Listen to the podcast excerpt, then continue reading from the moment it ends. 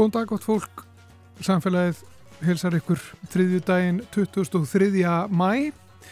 Það stormur í nánd en uh, við látum það ekki á okkur fá. Við sitjum hér Guðmundur Pálsson og Þórhildur Ólastóttir.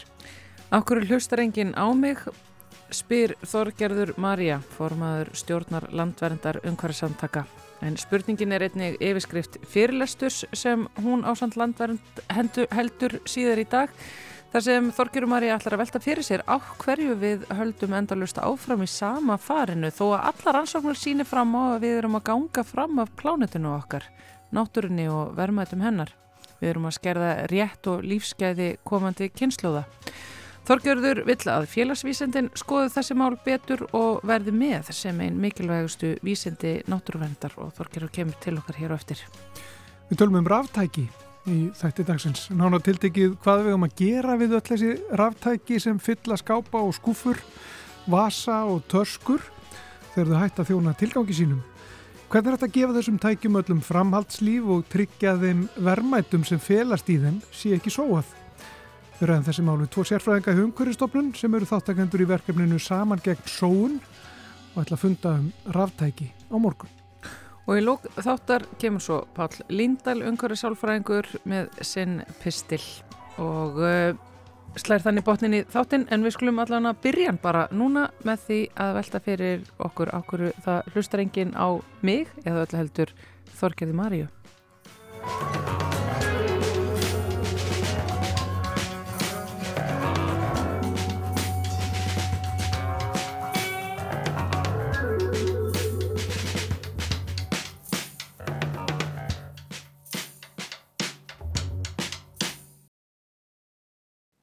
Þorgerður Marja Þorbjarnardóttir, formaður stjórnar landverðar umhverjus samtaka, er sest hérna hjá mér. Landverð er með félagakvöld síðar í dag klukkan 5 og um, þau ætla að fjalla um ákveður hlustarengin á mig, spyr Þorgerður Marja sjálf. Um, hún er sest hérna hjá okkur í samfélaginu. Sælverstu? Já, takk fyrir, sæl. Ég, hérna, það var svona kannski einhver titill sem ég valdi að því að þetta er samt svo eitthvað lýsandi þegar maður kemur fram með svona gögn og maður er að sína fram á alls konar og svo hegðar fólk sér ekkert samkvæmt gögnunum. Já. og maður sjálfur hegða sér jafnvel ekki alltaf samkvæmt gögnunum. Uh, að því við hegðum okkur bara eftir alls konar reglum og ástæðum og hérna við vitum kannski eitthvað er slæmt en við gerum það samt. Og hérna uh, og réttlætum hluti fyrir okkur á alls konar máta. Og hérna það var kannski svona svona intakið, akkur hlustar fólk ekki þegar það sér bara gögn?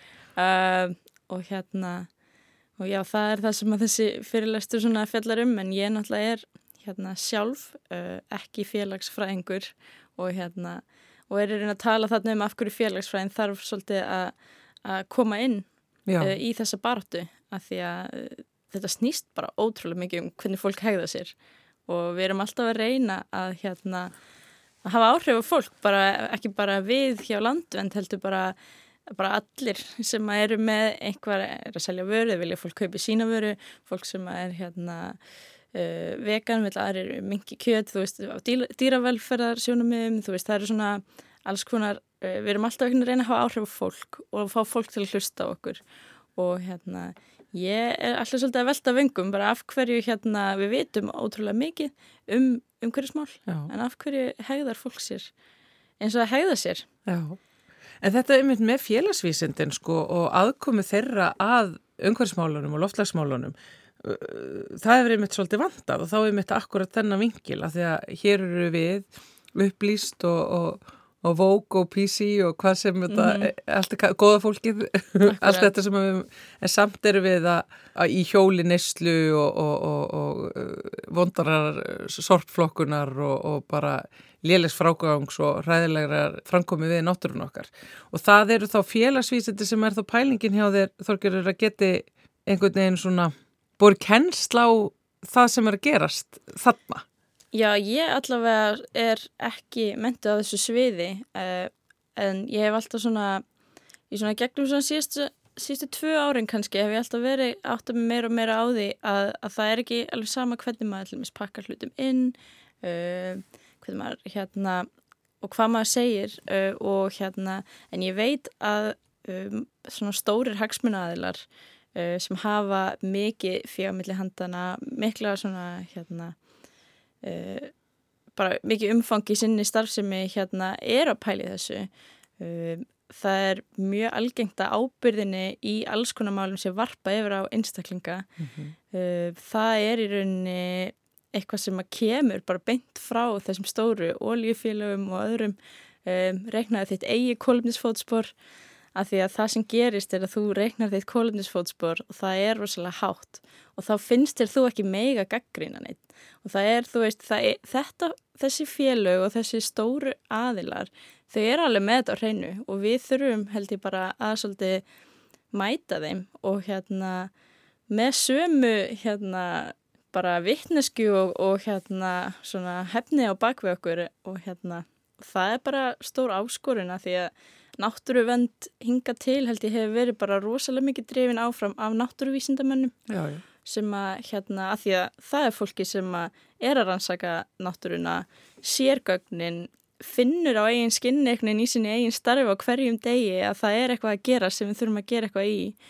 Uh, og það eru einhverjar hindranir held ég fyrir aðra að hérna, komast á sama stað og við þurfum að komast að því hvað hindranir það eru og hvernig hérna, við fáum fólk til að átta sig almennilega á því hvað er að gerast í náttúrunni og í loslæginu að því að þó við heyrum það og við sjáum það í fréttum við áttum okkur enga veginn á því þetta er miklu starra heldur en við í rauninni náum að svona utanum og hérna ég held að félagsvísindin, ég er sjálf náttúruvísinda hérna maður þannig að kona, mm. þannig að ég já ég er bara þetta svona kannski pínu ákall líka til félagsvísindana að já. hérna að tala við mig og segja mér kannski líka hvað hérna hvaða hindranir eru uh, af hverju eru af hverju eru ennþá bara svona mikið af náttúruvísindamönnum í í þessu? Að rópa þetta út í tómið?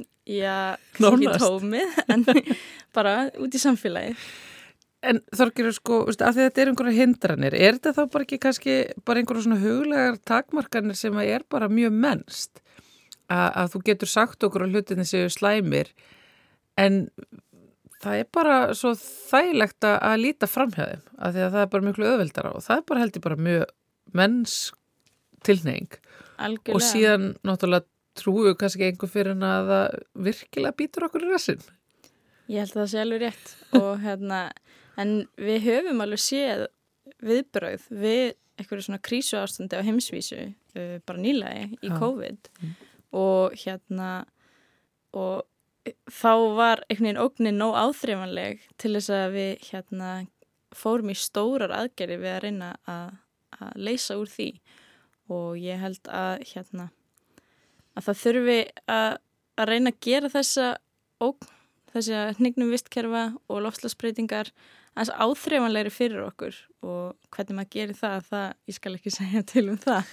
Nei, ég hugsaði til dæmis bara um uh, fólki sem að koma á loftlagsfjönd saminuðu þjóðan og er frá þessum eiríkjum sem að eru bókstallega að sökka í sæ og, og þau töluðu náttúrulega sko þannig að þau, þau finna þetta, þau sjá þetta, þau eru bara virkilega að horfa upp á þetta meðan að fólk sem er kannski fættu upp að liði einhverju mið-Evrópu, vestur-Evrópu finnur þetta kannski ekki eins mikið og þá er þetta ekki eins aðkallandi og þá fær það kannski ekki alveg þörfina til þess að skilja þetta og, og veist, það getur alveg hlustað og kinga kollu og já, já, þetta er vissulega mjög slæmt en þetta bara er ekki heima um mér. Já, þetta eru, þetta eru stóra áskoranir og, og þó ég svona fari yfir, yfir þetta eitthvað leiti í, í þessum fyrirlæstri þá er náttúrulega þetta, uh, ég ætla ekki að, að hérna, fara bara og reyna bara ekkert annað heldur en að reyna að bara koma þessu inn í hausin állum. Það eru þetta fullt af verkefnum sem að uh, standum fyrir og hérna sem við standum frammi fyrir og, og þetta er svona þetta verður að vera ein af uh, lausnunum í því en það eru þetta ekki hægt að setja alla ábyrðina á almenning uh, það, núna þurfum bara allir að breðast við og gera sér fulla grein fyrir en, en það er bara þannig með pólitíkina og, og stór fyrirtæki að það er fólk sem stjórnar þeim Já. og ef að, það elda svona það sem fólki vil að því að við búum náttúrulega í líðræði þannig að það er stór partur af því að, að takast á við þessar áskoranir er að fólk átti sig á uh, vandamálinu. Þú sagðir áðan, Þorgjörður, að í þessu ákallið til félagsvísinda að skoða þessi mál. Ákkur við erum ekki að hlusta á neður upp náttúrunar, ákkur við erum ekki almennilega að bregðast við. Að það sé samt alveg að einhverju leiti verið að skoða þessi mál.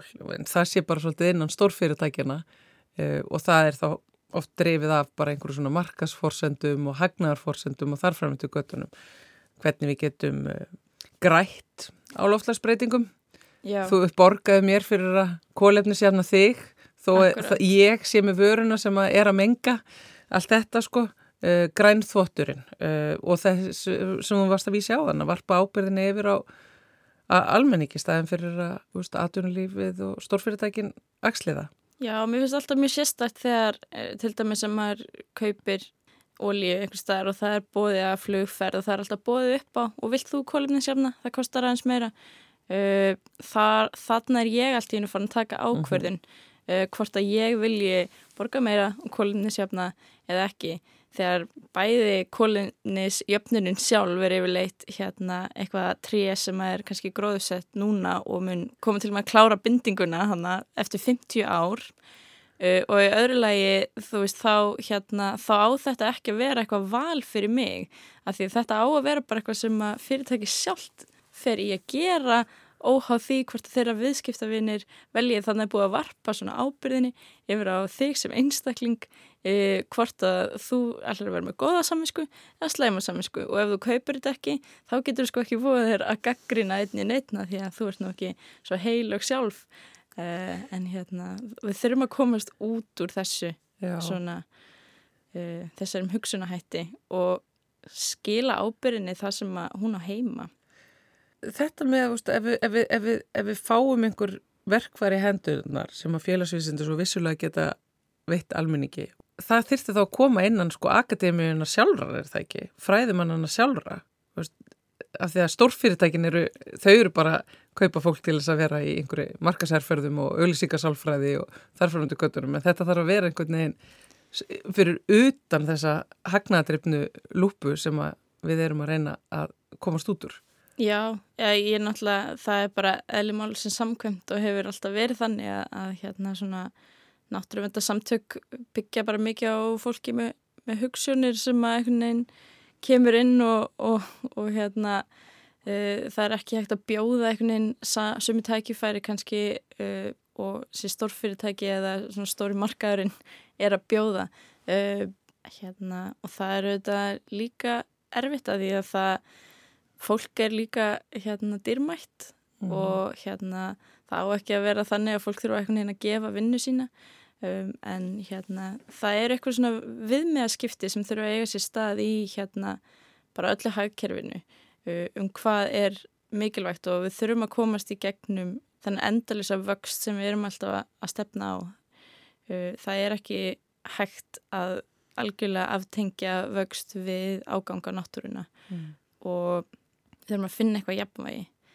Þannig að á, á, á þeirri vekkferð held ég að það þurfi að hérna að koma inn sterk félagsvísindi og jú, alveg það getur átt sér staðinn en akademíunar, uh, landvend hefur líka uh, star starfsfólk og hérna, verkefni og, og það er alveg hægt að, að horfa til þess til framtíðar að fá meira félagsvísindum inn mm. og hérna um, það hefur verið gert en það má, mér finnst svo sannlega með að gera meira af því, það er svona kannski eitthvað svona sem ég kem svolítið með bara líka frá því uh, ég var í námi í Breitlandi þar sem að það var mjög mikið tala um þetta um að við þurfum alltaf að fá samfélagin með í allar svona náttúruvendra aðgerðir. Við reyndar rosalega mikil fókus á svona þróunaríki að, að hérna svona lítil samfélag í þróunaríkjum þau þurfu algjörlega að vera partur á samtalinu í aðgerðum. Uh, ég held að við þurfum ekki bara að horfa þanga við þurfum líka að horfa innan við okkur sjálf og hérna og gæta bara svona réttlatum umskiptum og, en það þarf eitthvað að breytast. Og ég held það sé bara óumflíjanlegt ja. uh, eh, og þau sem að halda við getum bara haldið áfram og það getur bara, það sé hægt að bara aftengja vöxtið við náttúruna. Ég held að það sé hérna það er bara ekki raunveruleg framtíð. Þú notar orðið viðmiða skipti sem er mjög staldið svona skemmtilegt orð uh, yfir því hvað við þurfum að fara í gegnum. Og sem samfélag og, og menning okkar, við erum alltaf að ganga í gegnum einhver viðmiðaskipti, við erum breytt um það hvernig við hugsaum um alls konar hluti á greiðlega miklu hraða oft. Kollvarpað alls konar hugmyndafræðum og alls konar lífstíl og, og alls konar hlutum. Bara, þannig að það er ekki eins og þetta sé ekki hægt. Já, algjörlega. Og við þurfum náttúrulega bara að halda áfram. Það, má, það eru veikustu rökinir þau að það sé ekki hægt að breyta hlutum að því þetta hefur alltaf verið svona. Þetta hefur bara ekkert alltaf verið eins og það er og hérna, mann heyrir þetta sérstaklega kannski í kringum uh, til dæmis kvalviðarnar uh mhm. -huh. að hérna bara svolítið við megum þetta og þá gerum við þetta. Uh, en það er búin að eiga sér stað tölvört mikil við með að skipti innan samfélagsins og hérna og ég held að það, það sé bara rosalega gott dæmi um það að það er bara verið að halda ykkur áfram að því að það er hægt en það er ekkert verið að skoða viðminn uh, hérna, sem samfélagi er búin að setja sér um hvað er sníðugt hvað er hérna góð yðja og svona hvað, hvað kemur okkur kemur vel fyrir okkur út af við líka uh, og bara svona það eru mörgur rauk að það bakvið af hverju við ættum bara að vera löngu hægt þessu En það eru svona viðmiðaskiptin þegar gerast ekki uh, endilega innra með öllum í einu. Það er náttúrulega samfélagið flókið og margslungið og þannig að það er svona, þetta er að gerast og ég held að kvalviðun verði hægt og bara vonandi bara fyrir sumarið en, en hérna og ef ekki þá, þá bara öruglega hérna eftir það. Já, já, vissulega mitt orðuræðin í kringu þau mál hefur, hefur algjörlega breyst, er ekki svo sama í dag og var fyrir tíu árum. En að lokaþorgirum langum mitt aldrei um þetta spyrja, þú ert ungkona og tilheri kynsluð sem að er, held ég svolítið mikið íta og eftir viðmiðaskiptum á, á mörgum sviðum. Er kannski, eru það kannski bara við eldri kynsluðunar sem erum ekki að hlusta á þig og ykkur? Ég held að það sé mjög mikil alhæfing ef að það eru bara hérna, ég upplifi það ekki. Þetta upplifi ég kannski svona eins og margar ungar konur samt að, að fólki finnst svona, eldra fólki finnst oft þurfa að gefa mér rosa mikið ráð sem ég er ekkit endla alltaf að byggja um. En hérna, en mér finnst samt fólk alveg, alveg hlusta á mig sko óháð aldrei endilega. En það er bara eðli málsins samkvæm þá er þá er kannski hægara uh, að hérna að skiptum viðhorf hjá þegar þú ert búin að vera á lífi eitthvað ekki lengi og þú ert bara búin svolítið fastmóta þína skoðanir frekar heldur en uh, nýtt fólk. Og Andrisnær talaði um þetta á náttúruvendaþingi uh, að hérna frá því að hérna að farið var að tala um um svona konur, að þú veist hérna að þær fái kostningarétt og eiga að geta farið á þing að þá liðu ég man ekki hvað voru mörg ár, að þanga til að það var komið jafnvægi á þinginu sjálfu uh, milli Karla og Kvenna. Uh, og hann nefndi fleiri dæmi um þetta þetta er uh, það þarf líka kynnslóðaskipti en mér finnst í umhverfismálanum þá er bara skaðinn sem er eigað sér stað, hann er í veldisvexti og það er kannski bara ekkit alltaf hægt að býða eftir því að þetta gerist bara hægt og rólega af sjálfu sér. Uh, og það er kannski bara svolítið mitt verkefni að reyna að flýta fyrir því. Já. en ég held að þetta sé bara algjörlega að gerast og hérna við þurfum bara að spýti lóna og hérna og fá fleiri með okkur. Og það er ekki bara félagsfræðingar, það er líka bara lögfræðingar og hérna hagfræðingar og allur, allur pakkin að reyna að koma okkur út úr þessu hérna, hamstra hjóli sem við erum svolítið að hlaupa í og við erum að stefna eitthvað bara fram að bjargbrún. Þannig að það er hægt og það mun eitthvað það mun eitthvað gott gerast. Uh, hvenar og hvernig það spilast út, það bara kemur í ljós. Okkur hlustur ekki ná mig, félagakvöld landverðar er klukkan 5 í dag Í húsnæði landverðar Þorkjöru Marja Þorbjarnardóttir formar landverðar ætlar þar að spyrja þessa spurningar og uh, kalla eftir því að félagsvísindin uh, taki þátt í uh, mikilvægasta verkefni okkar tíma. Takk hella fyrir að koma Þorkjöru Marja. Já, takk fyrir mig.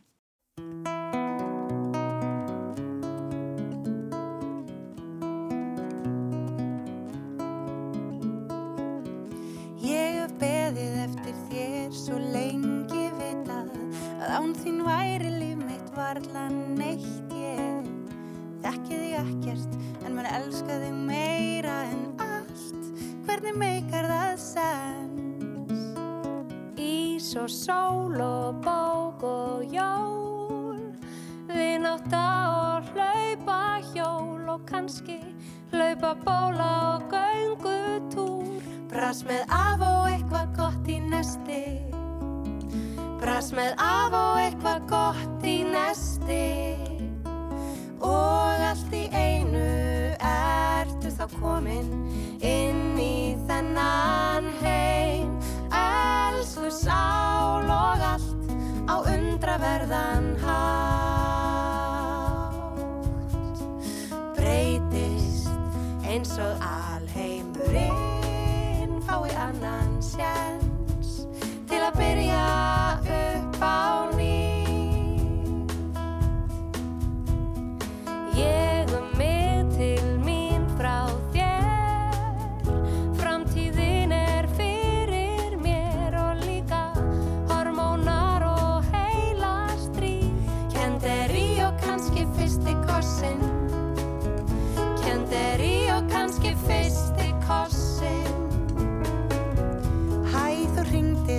keira Sækja tveipan í þú veist.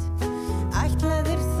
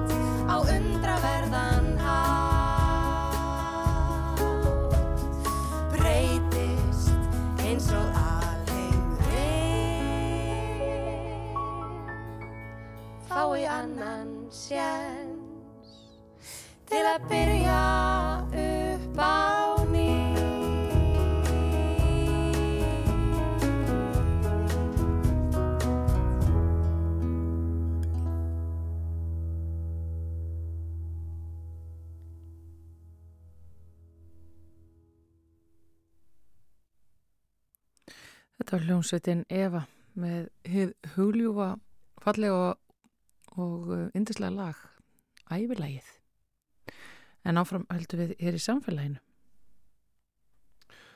Á morgun fer fram fundur undir yfirskriftinni er ekki allir í stuði og þetta er ekki fundur um uh, sveitaballasenuna eða neitt slíkt, þetta er fundur um ráftæki þetta er hagsmunnaðala fundur um, um ráftæki og það eru sama gegn sóun, sorpa, úrvinnslusjóður og tækniskólin sem að bjóða öllum sem starfa við og eða hafa áhuga á hönnun, sölu, nótkun, viðgerðum og endurvinnslu ráftækja til þess að fundar hann fyrir fram í góða hyrðinum. Og hér eru sestar Birgitta Steingrímsdóttir og Þorbjörg Sandra Bakke frá já, þessu verkefni, sama gegn sóun, síður sérfræðingar hjá umhverjastofnun. E, og eruð að vinna í þessum málum og þetta er náttúrulega hluti af stóru hugsunum um hringrasarhagkerfið og e, sama gegn sóun er, er verkefni sem er í gangi sem að teku til ímissa þátta og þannig verður að setja ráftækinu fókus ekki satt. Akkurat. Sko sama gegn sóun er verkefni sem að umhverfstofnur reggur og miðarunni að því að draga úr sóun bara í öllum kýmum samfélagsins. Og við höfum áður sett plast, matarsóun og textil á dagskrá með góðum árangri og erum núna að fókusa á ráttækin og kemur upp úr grásinu þegar við köfum ofan í þennan málaflokk að ráttæki eru bara risa stort umhverfsmál og við náttúrulega tristum ótrúlega mikið á ráttæki bara í okkar daglega lífi. Þetta er náttúrulega bara órúmanlegu hluti af bara leik og starfi okkar allra og ég held að við séum öll sammála um að ráttæki hafa bara aukið okkar lífskeiði til muna og er eiginlega bara grunduvöllur okkar velsældar. En við komumst líka að því þegar við fórum að skoða þetta að það eru alls konar áskornir sem við stöndum fram með fyrir. Þannig að einmitt mikil umhverfisáhrif sem fylgja ráttækjanum en við erum kannski fyrst og fremst að kaupa allt og mikið af ráttækjum og það er líka kannski vegna þess að þau endast stutt og það er erfitt að gera við þau og svo erum við ekki að koma þeim í réttan endurvinnslu farveg.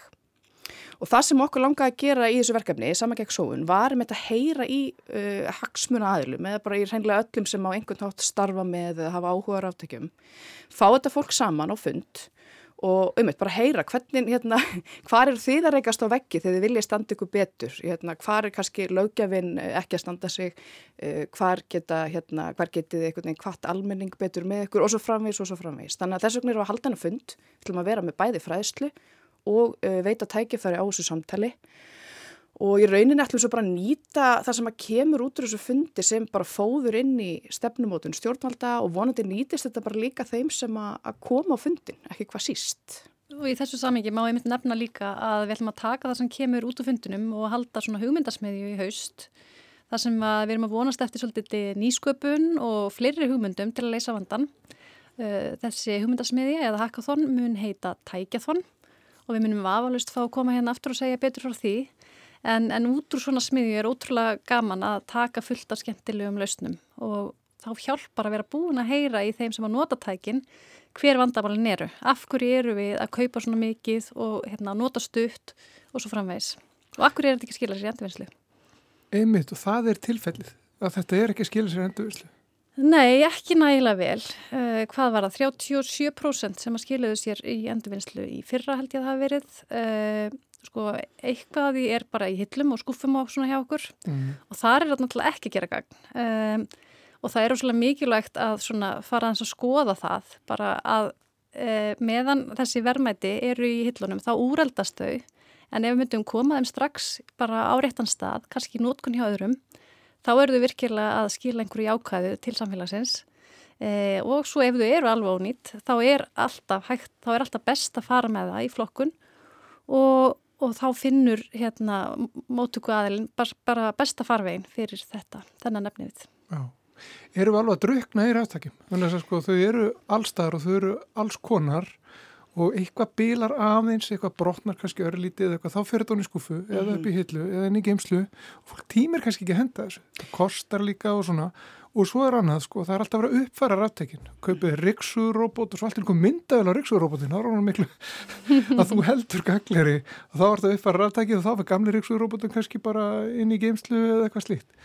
Er, er við bara, erum við raftekja sjúk, erum við að erum við að svona, erum við haldin einhverju ráttækja fíkn, erum, það eru ráttækja út um allt, við erum með ráttæki bara í öllum skúfum og öllum vössum út um allt. Já, það er kannski ekkit skrítið að ráttækin sé út um allt, því að eins og við tölum um við náðan, þau eru náttúrulega bara svona svolítið undirstaða alls þess sem við gerum, ok, kannski ekki alls, en, en þetta er náttúrulega mjög stór hlutur af bara okkar vinnu, af okkar afþreyingu, samskiptun okkar fara með östuleiti fram í gegnum uh, ráttæki og svo er líka alveg svolítið gaman að pæli því, ef maður bara, bara lítur í kringu sig, þú veist, heima hjá sér.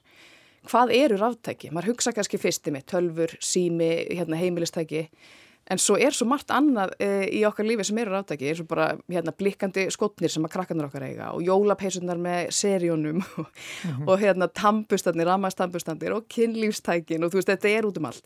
E, þú veist, jú, við erum svo sannarlega nota rosalega mikið af þessu, en, en vandamálið er svo, það er svo marglega, þú veist, það er einmitt, e, jú, vissulega breytilegir tískuströmmar, við viljum kannski einmitt eiga það nýjast á besta Og svo eru náttúrulega bara þessi hlutir oftar en ekki hannaðir þannig að þeir enda stutt. Þú veist, það er bara í rauninni, í hönnunarferlinu tekin svo ákvörnum að þessi hlutir eiga ekki endast lengi, af því það á að selja næstu uppfæslu og það er jafnvel bara erfitt að gera við. Og, og hérna þetta er eitthvað sem að til dæmis Evrópusambandi ætlar að taka alveg verulega á og við ætlum að ræða svolítið vel á morgun að það er að koma bara að risa stór svona ringar á sár hagkerfispakki sem meðal annars á að tækla ráftækin vel og kannski stærsti pakkin þar undir heitir uh, visthönnun fyrir sjálfbærar vörur. Uh, og það er einnig kjarnin í því er einmitt bara það að, að vörur séu hannar til þess að endast, það séu af góðum gæðum, að það sé sannlega hægt að gera við þær og að þær séu úr endurunnu efni og ef að varan er bara gjörsanlega þannig að það er ekki eftir að nota hana lengur, að það sé hægt að endur vinna hana. Af því ofti það er líka bara, þú veist, ef þetta er mikið samsetta vörur og svona, það er bara ofta erfitt að, endur vinna þær. Þannig að hérna, Evrópusambandi hefur líka bent á það að 80% af umhverfis áhrifum vöru eru ákverðuð á hönnunastíðinu. Þannig að þetta er náttúrulega bara rosalega mikilvægu fasi til að tækla. Þú veist, þeir sem að búa til þessi tæki hafa rosalega mikið að segja um framtíðar umhverfisáhrifin. Akkurat og þarna finnst mér ótrúlega gaman að tala við fyrirtæki á Íslandi í dag. Það kom mér alveg óvart, sko við höfum verið að heita svolítið á atvinnulífið. Atvinnulífið er einn farið að kalla svolítið eftir svona ramma. Það vill fá veist, það vill bara gera samfélagið þannig að þeir sem eru að hérna, bregðast við uh, ráttækjunum á umhverfisvæninhátt og vilja gera vel, þá hjálpa þeim og þá aftur á móti að refsa þeim sem eru umhverfisóðar. Þannig að það verði svona aukin kvati fyrir fyrirtæki að gera vel. Að það er náttúrulega þannig svolítið með umhverfismálinn að kostnaðurinn, uh, umhverfiskostnaðurinn, hann lendir bara á framtíða kynnslóðum og við þurfum svolítið að finna fyrir kostnaðunum núna þannig að þau fyrirtæki sem að vilja sína samfélagsábyrð að þeim gangi betur heldur en hinnum. Ja. Þess vegna sko bara, og það hefur alveg komið mér á óvart, ég er búin að vera í þessum umhverfismálum og uh, já, í 20 ár og núna, svona undarfærin árin, þá er ég farin að finna það að sko fyrirtækin eru mörg orðin bara rótækar en ég var í hugsun sko, þannig að hérna, þannig að við erum alveg, þú veist, það, sko, hug, hérna hvað ég segja, við erum komin svolítið á þann stað svona í huganum, okkur langar að gera vel, en nú þurfum við bara að komast ángað. Já, og það eru mikil verðmæti sem að liggja í þessu ráftækjum ekki satt, það eru til Heldur dæmis bara betur. málmar sem að eru sjaldgefir og, og, og verðmættir. Já, einmitt, þessi verðmætt og sjálfgæfi málmar eins og, hú veist, kopar, gull og silfur, en svo eru líka efni sem að heita hérna á góður íslensku, rare earth materials eða sjálfgæfi jarðefni, sem eru bara til í mjög litlu magni í heimilum, heiminum, þetta eru ykkur 17 frumefni. Uh, og þetta, þú veist, þegar við erum að mynda að tala um að, að lítið af ráðtökjum er að skila sér í endurvinnslu, þá er það náttúrulega bara tap á þessum verðmættu efnum sem annars var að komast aftur inn í ringrásina. Svo er náttúrulega líka bara ótrúlega orkufrekt að búa til ráftæki, það er hérna bara eins og almennt vörur. E, þannig að það er til ótrúlega mikils að vinna að fara vel með ráftækin, af því annars eigum við hreinlega ekki efni við í ráftæki framtíðarinnar. Þú veist, staðan er bara svolítið þannig. Mm. E, og við höfum heyrti í fleikt fram að við séum bara stödd á hámarksöld, hérna framleiðslu á málma. E, þannig að ef við viljum halda áfram, veist, að nota ráftækin í okkar daglega lífi og starfi, þá verðum við að, finna leiðir til þess að uh, viðhalda þessum verðmættum í ringrásunni. En þarf að staldra við aðeins og veist, spurja sig, veist, þarf að vera ljós ymmit á, þú veist, út með svona fidget spinner eða eitthvað svona skemmtilegt, sko, þarf að vera ljósaði líka. Mm. En þurfum við kannski að fara að velta þessu fyrir okkur? Akkurat, þetta þarna aftur eru fyrirtækin og svona hönnunafasin skiptir þarna máli að við erum að hugsa þegar við áðurum við búin til vöruna en líka við sem einstaklingar. Við getum alveg hugsa þegar við erum að kaupa vörur þarf ég þetta í alvörunni.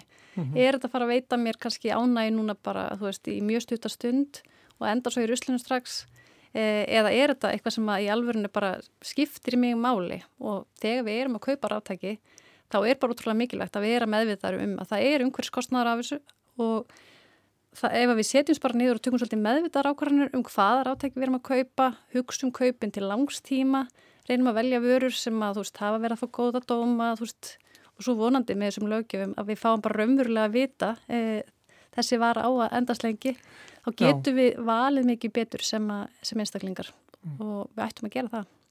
Það er um það þekkt dæmi með sko glóperuna að, að hún var hönnuð sko, hún gætt bara líst mjög, mjög, mjög, mjög lengi sko og það var ekki nóg gott. Það þurfti að fá fólk til að skipta um perur þannig að þær voru hannar þannig að þær bara gáði sig mm -hmm. eftir ákveðið marga klukkutíma. Já, e, þetta, þetta er alveg eitthvað svona ákveðið viðskiptamódel já. og þetta náttúrulega er engan hátt hérna ringráðsarhagkerfis hugsuninni heldur er þetta þessi hugsun að fá okkur til að kaupa nýtt og nýtt og nýtt og meina þarna verða bara fyrirtæki að, að sína ábyrð og, og eins og ég nefndi áðan þá eru rosalega mörg fyrirtæki sem vilja gera það en þá þarf líka eiginlega, þú veist, það verður að gefa þeim samkeppnisforskot á hina sem eru með þessa hugsun. Já, en ef þú ætlar að hanna sko bröðrist sem að endist og endist og endist, þá þarf hún að vera aðeins dýrari eða ekki, en er það ekki líklegt og hún verður dýrari heldur en bröðrist sem endist bara í, í fjögur ár? Það er alveg líklegt, það, en það eru líka alls konar aðrar hugmyndir um þú veist hvernig maður getur látið þetta ganga upp. Það er að segja að fyrirtæki fái áfram einhvern hagnað af, eh, af tækjum sem endast lengi til dæmis eru pælingar um bara veist, að uh, leia frekar út heldur en að, að hérna, selja tæki. Uh, þá geti ég, ef ég væri framleiðandi, framleitt kannski, uh, já, segjum bröðrist sem að bara endist í 20 ár en í staði fyrir að hérna, ég ger, hérna, í staðin fyrir því að selja margar og fá bara, þú veist, oft töðuskall fyrir stykkið, að þá er ég bara að býja strax til eh, mjög vandaða bröðurist og þú borgar mér töðuskall eh, á tækjarfresti eða eitthvað, skilur eða hvernig sem það er. Og svo fyrir hún bilar að þá er kannski hægt að fá góða viðgerð á henni eða eitthvað svoleiðis. Já, og þá er það orðið hagur minn sem framleiðandi að búa til vöru sem endist. Þannig að þú veist, ég, ég er, þetta er bara ein leið, sko. Já, en að því að bröðurist er dæmi um sko ráftæki sem að, þú veist, gerir bara sitt, einhvern veginn. Þú, þú uppfærir ekkit bröðuristina en hann eitt svakalega, Akkurat. mikið með að kaupa nýja tegunda bröðrist sko. Já, og þetta gildir í raun sama með tæki eins og síma sko, sem er alltaf verið uppfæra. E, það þarf bara búa til einhvern veginn mótilið þannig að e, það sé í raun hagur minn sem framleiðandi að búa bara strax til rosalega, þú veist, í raun hönnuna sem ég myndi kannski selja eftir nokkura ár og að það sé einhvern veginn þannig ég geti uppfært myndavélina eða þú veist það sem að hérna bilar og eitthvað. En, en núna er kannski bara lengi búið að vera svona ráðandi viðskiptamódel að framlega vöru sem mun skemmast á nokkrum árum þannig að það þarf að kaupa nýja. En, en það er alveg hægt að finna nýjar leiðir e, þannig að maður fái áfram tekjur e, og, hérna, og að neytindunir fái sem mest og þú veist og sömulegðis e, að fyrirtækinn standi ennþá undir reksturinnum sínum. Það þarf alveg að vera kreatífur sko. Já, en við erum alveg komin semst á þennan stað sko þegar kemur að, að, að þessum málum að ráttækjum og hönnun á þeim og framleysla á þeim, söl á þeim, nótkun á þeim eins og við erum einmitt víða annar staðar sko þegar við erum að hugsa um umhverfismálun. Það er komið að einhverjum svona punkti þar sem við þurfum að fara að hugsa hugsa bara kerfin upp á nýtt eða hvað. Já, alveg, algjörlega. Og það var bara mjög áhugavert þegar við Þorbjörg fórum að skoða ráttækinni mitt hvað þau eru allavega það er kannski bara svona mitt persónulega mat, það var kannski svolítið glemst í umræðinni. Við höfum kannski fest okkur svolítið í svona ákveðnum málaflokkum, losun gróðurslóttegunda, orku skiptin og ymitt plastið, kannski mata svona ákveðnum málaflokkar sem eru svolítið svona börs í, í hérna geiranum sem er líka bara gott að fókusera á okkur ákveðna þætti. En ég held eins og þú segir að við séum alveg komin á þann stað að það er bara svona allt um leikjandi kerfisbreytingar. Alveg klárlega, þú veist, við þurfum náttúrulega innlega hér ringrás á hagkerfi við ætlum bara að hérna, eiga hagkerfi til framtíðars. Eh, en að því sögðu, þá er mjög áhugavert að vera til dæmis núna að kafa ofan í, í ráttækin og við vorum einmitt að ræða einn á hann. Það er svo, svo margi sem eru svo kreatífir. Það er einn hérna, samstagsmaður okkar sem að til dæmis eh, ef við tala svona um einstaklingsvingilin sko, sem að hérna eh, á svona lista bara Excel-skjál með vinum sínum með öllum hérna, verkfærunum sem þeir eiga. Þannig þeir þurfi ekki að eiga öll ráttæki eða sérst verkfæri, kíkja þá bara listan þegar þeir vantar eitthvað ákveð verkfæri og, og hérna heyra í vinum sínum. Húsfélög mætti til dæmis nýta sig þetta í mér mæli, hérna, samnýta alls konar stóru lítilega ráttæki Það er hægt að leia fullt af ráttækjum á Íslandi. Þú veist, hérna stóru vestlanirnar eru með verkfæralegur, við erum hérna með munasafn Reykjavíkur sem að býður upp á leigu og alls konar ráttækjum og eru einmitt að setja upp svona lítil útibú í bókasöfnunum sem frábært færir þetta nær okkur. Uh, já, það er, ég, ég finn að það er ótrúlega mikil gróska, maður þarf bara svolítið bæði fyrirtæki og einstaklingar að hugsa svolítið út fyrir kassan og þetta getur líka bóðið upp að bara svona alls konar skemmtilega nýsköpun, mm -hmm. allavega mínum að því. Algjörlega þetta er það sem við vorum að koma svolítið út úr deginum á morgun. Við fáum bæði að heyra kannski, veist, meira bara frá fyrirtækjum og einstaklingum sem hafa verið að hugsa og hugsa lausnir, en líka hvaða vandamála er sem þarf að leysa. Að því að þegar við vitum það eins betur, uh, þá er miklu auðveldar að finna fleiri lausnir. Þessi fundur eru morgun uh, í fyrramálið? Hann er í fyrirmálið, já, við ætlum að byrja snemma 8.30 í hérna, nýju húsnæði góða hyrðisins á Köllunarklættsvið 1 og ég hvet alla áhuga sama til að skrá sig á samageggsóum.is Við fáum að, sjá um mitt nýja stöðuna, góði hýrðirinn allar að í rauninni núna í framtíðin að leggja meiri áherslu á að fara yfir þau ráftæki sem koma inn til þeirra og merkja þau yfirfærin þannig að fólk viti að það getur keift ráftæki sem er í lægi, fáum að kynast þessu. Og svo ætlum við að hlýða á erindi og, og eiga þetta samtal sem er svo mikilvægt til að átt okkur á uh, þessum helstu áskorunum sem blasa við. Bara Já. endilega öll velkomin. og það er hagsmuna aðalega fundur um ráftæki. Er getur stuði eh, í fyrirmáli klokkan hálf nýju. En takk fyrir komuna Birgitta Stengriðsdóttir og eh, Þorbjörg Sandra Bakke, sérfræðingar hjá umhverfstofnun. Takk kærlega. Takk fyrir okkur.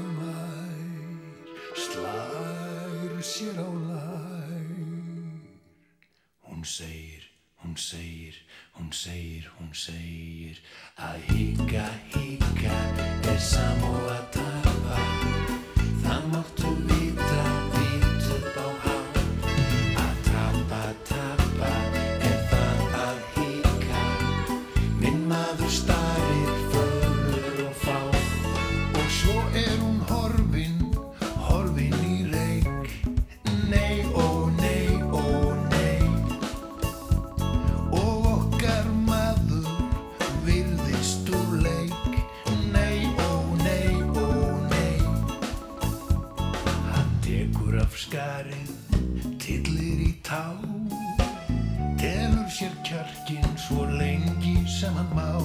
Hann velkist í vafa, hún virðist á braut.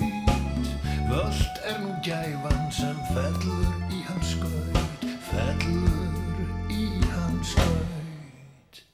Það glímur, það glímur og glímur og glímur Að híka, híka er sam og að tapa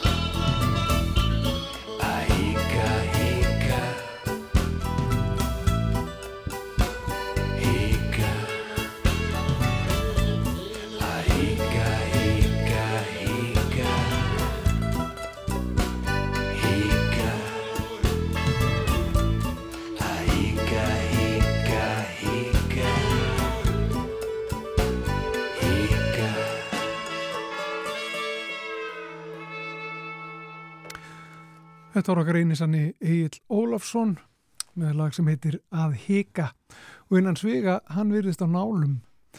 En uh, nú er það gullt þórildur, það eru gular viðvarnir um all land. Já, já, hinn raunverulega gula lætur sjá sig hér Já. á Íslandi. Já, það er viðvörinu. Það er þetta sem við erum alltaf að tala um. Ætti svo gula láti sjá sig, ætla þessi gula já. En uh, sko, miða við það sem Einar Sveinbjörnsson viðurfræðingur sagði hér í morgun útarpinu á Róstöða, þá benda langtíma spárti þess að það tekja hlína í veðri um mánaðamótin og uh, fátt bendi til annars en að sumarið hér á landi verði nokkuð gott, jafnvel með hýta yfir meðalagi. Og hann segir hér, við sjáum það að um mánaðamótin eru hér að byggjast upp háþrýstisvæði í staðin fyrir þessar förulegðir, sem nú fallið orð, förulegðir, sem hafa einkent veðráttuna síðustu tvær vikunar. Þetta háþrýstisvæði verður mjög einkennandi hér á norður Allandsafi. Þetta sagði hann í morgunúttarpinu á, á Rástfö. já. Þannig að ekkert meira slittu ég. Ekki frá með mánamótu, vonandi. Það er volið það leðilegt. Já, já, þú talar fyrir sjálfa þig, Þórildur Súlt og Ólafsdóttir. slittu ég er bara nefnilega mjög vanmetin uh, veður. Já, þú bátt bara að meta þau uh, í róna eða ykkur staðar, Þórildur, með að við hinn njóttum kannski aðeins skára viður. Við ætlum að heyra í Páli Líndal hér eftir smá stund, en fyrst Ruslarapp.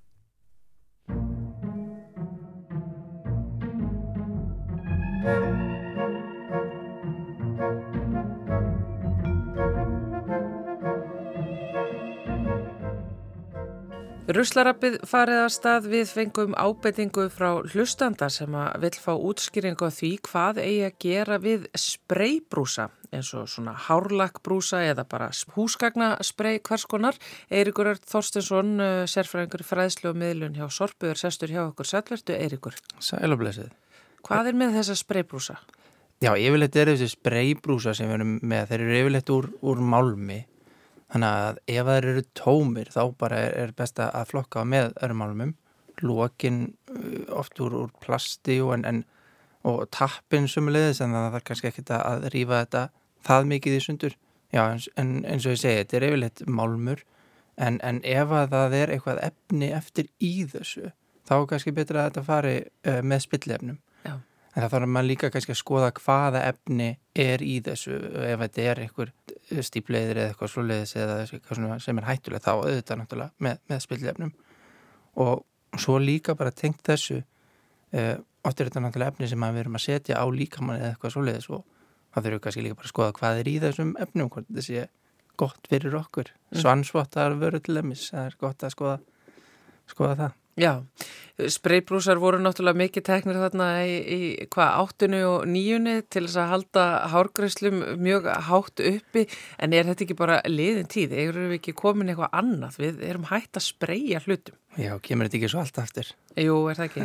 En þetta er þá allan að farvegurinn að það er eh, að meta það hvort þetta er spillefni eða einmitt að fara í málminn Mhm. með þetta. Akkurat, Takk fyrir þetta Eirikur Örn frá Sorpu. takk fyrir mig Fyrir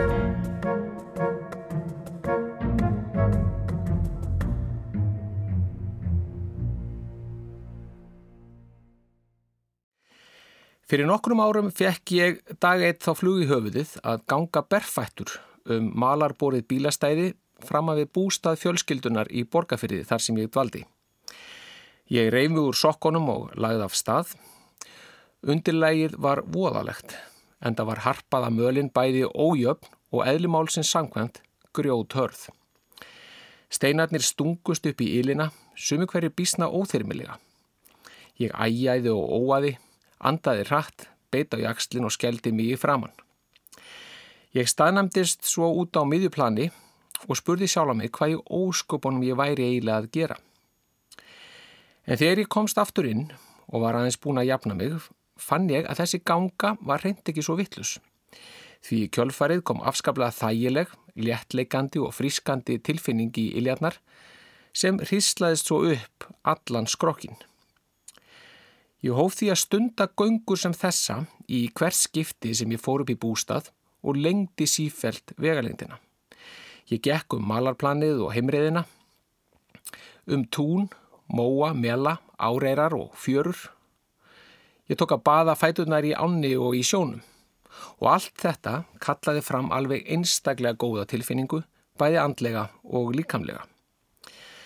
Það vakti aðtegli mína hversu fljótar iljarnar voru að aðlega sig þessum nýju aðtöfnum mínum og það allra merkilegasta var að aðlugunin virðist ekki ganga tilbaka að neinu marki, jafnvel þó margir mánuður liðumilli gönguferða, svo sem eins og yfir svartasta skamdegið.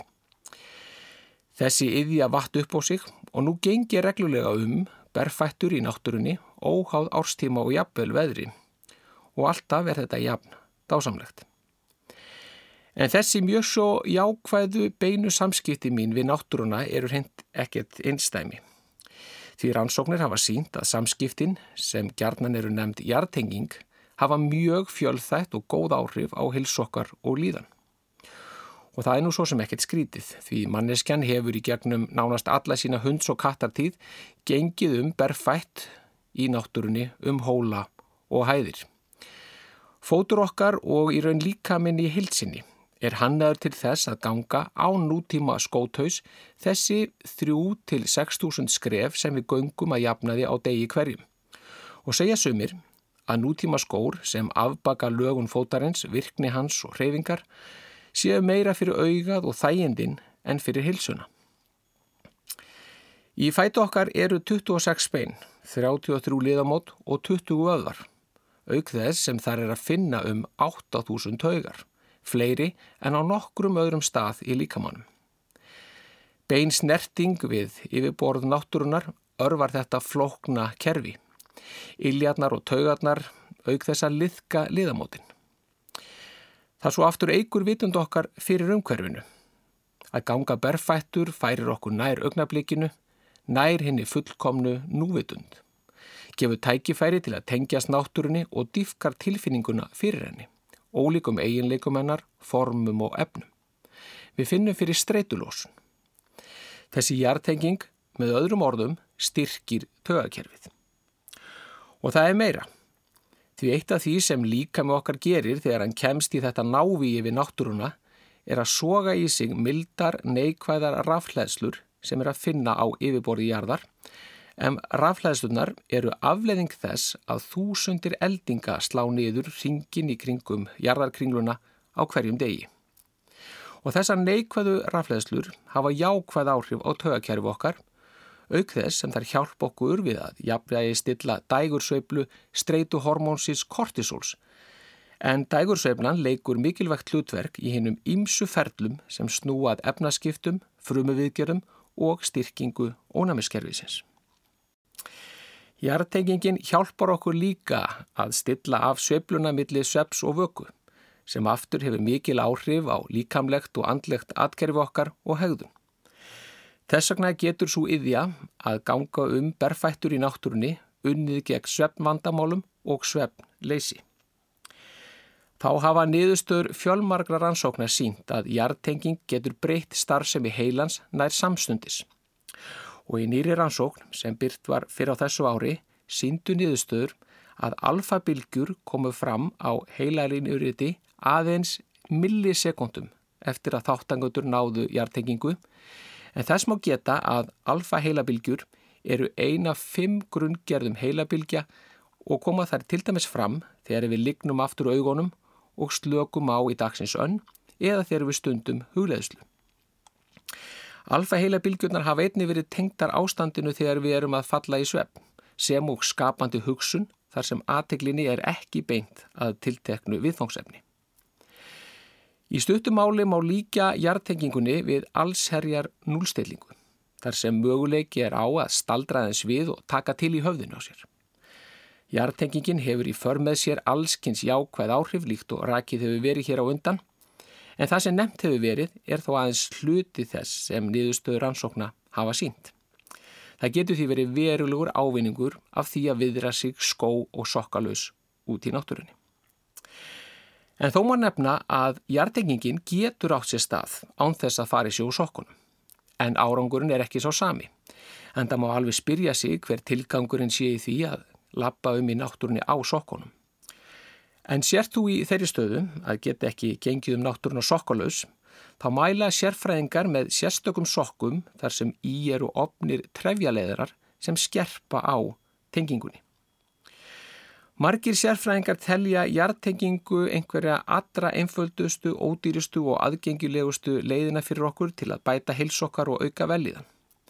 Í samantækta grein sem byrtist í tímaritinu Open Journal of Neurology and Neuroscience í mars síðastlinum segir bandaríski læknirinn Laura Conniver að jartenging efli sál og líkama hvar sem er og hvena sem er. Hvort sem þú dregur nokkru sinnum andan djúft að þér þegar þú situr í grassinu, stittir þér leið í gegnum almenningskarðin eða stendur utan dýra kvöldi til og horfir á stjörnurnar, þá mun jartengingin alltaf gera þig gott. Hún mun bæta skap þitt og ebla virkni heilans. Og það sem meira er, jörðin og náttúran býða bara eftir þér til að geta stuttig og hjálpa þér, fullir þér koni verð. Hún bæti við. Næst er þú finnur fyrir kvíða eða átt bátt með að komast að niðurstöði í einhverju máli, farðu þá út. Snertu jörðina og leiðu náttúrunni að styðja þig. Áhrifin koma strax fram og það er engin tími of stuttur fyrir hjartengingu. Ef þú átt bara 30 sekundur, þá það. En ef þú hefur 15 mínútur aflögu eða hálftíma, þá er það betra. Þú þarf bara eitt stein sem þú getur snert, eitt strá eða eitt löfblad. Vetur, sumar, vor og haust, heima eða heiman. Þú getur alltaf og ættir alltaf að leitast eftir hjartengingu til að gera líf þitt að mistara stykki. Þess skal reyndar getið að þessi allra síðustu orð komu ekki frá Lóru Kogníver, heldur úr smíði þess sem hér talar og byggjast á hans persónulegu reynslu. Takk í dag. Saði Pál Líndal, umhverfis sálfræðingur í sínum pysli og uh, með því slóðum botnin í samfélag dagsins. Já, Guðmundur Pálsson og Þóruður Ólastóttir þakka fyrir sig í dag, við ætlum að fara út í út í eh, stormin Slitu ég leðu súldina. Já, nú ekki, ah. já, kannski ekki slitta en, Það gengur en, á með já, já, já, þetta fer allt saman vel Þóruður, Já, við já, verðum hér aftur á morgun. Heyrust á verið sæl.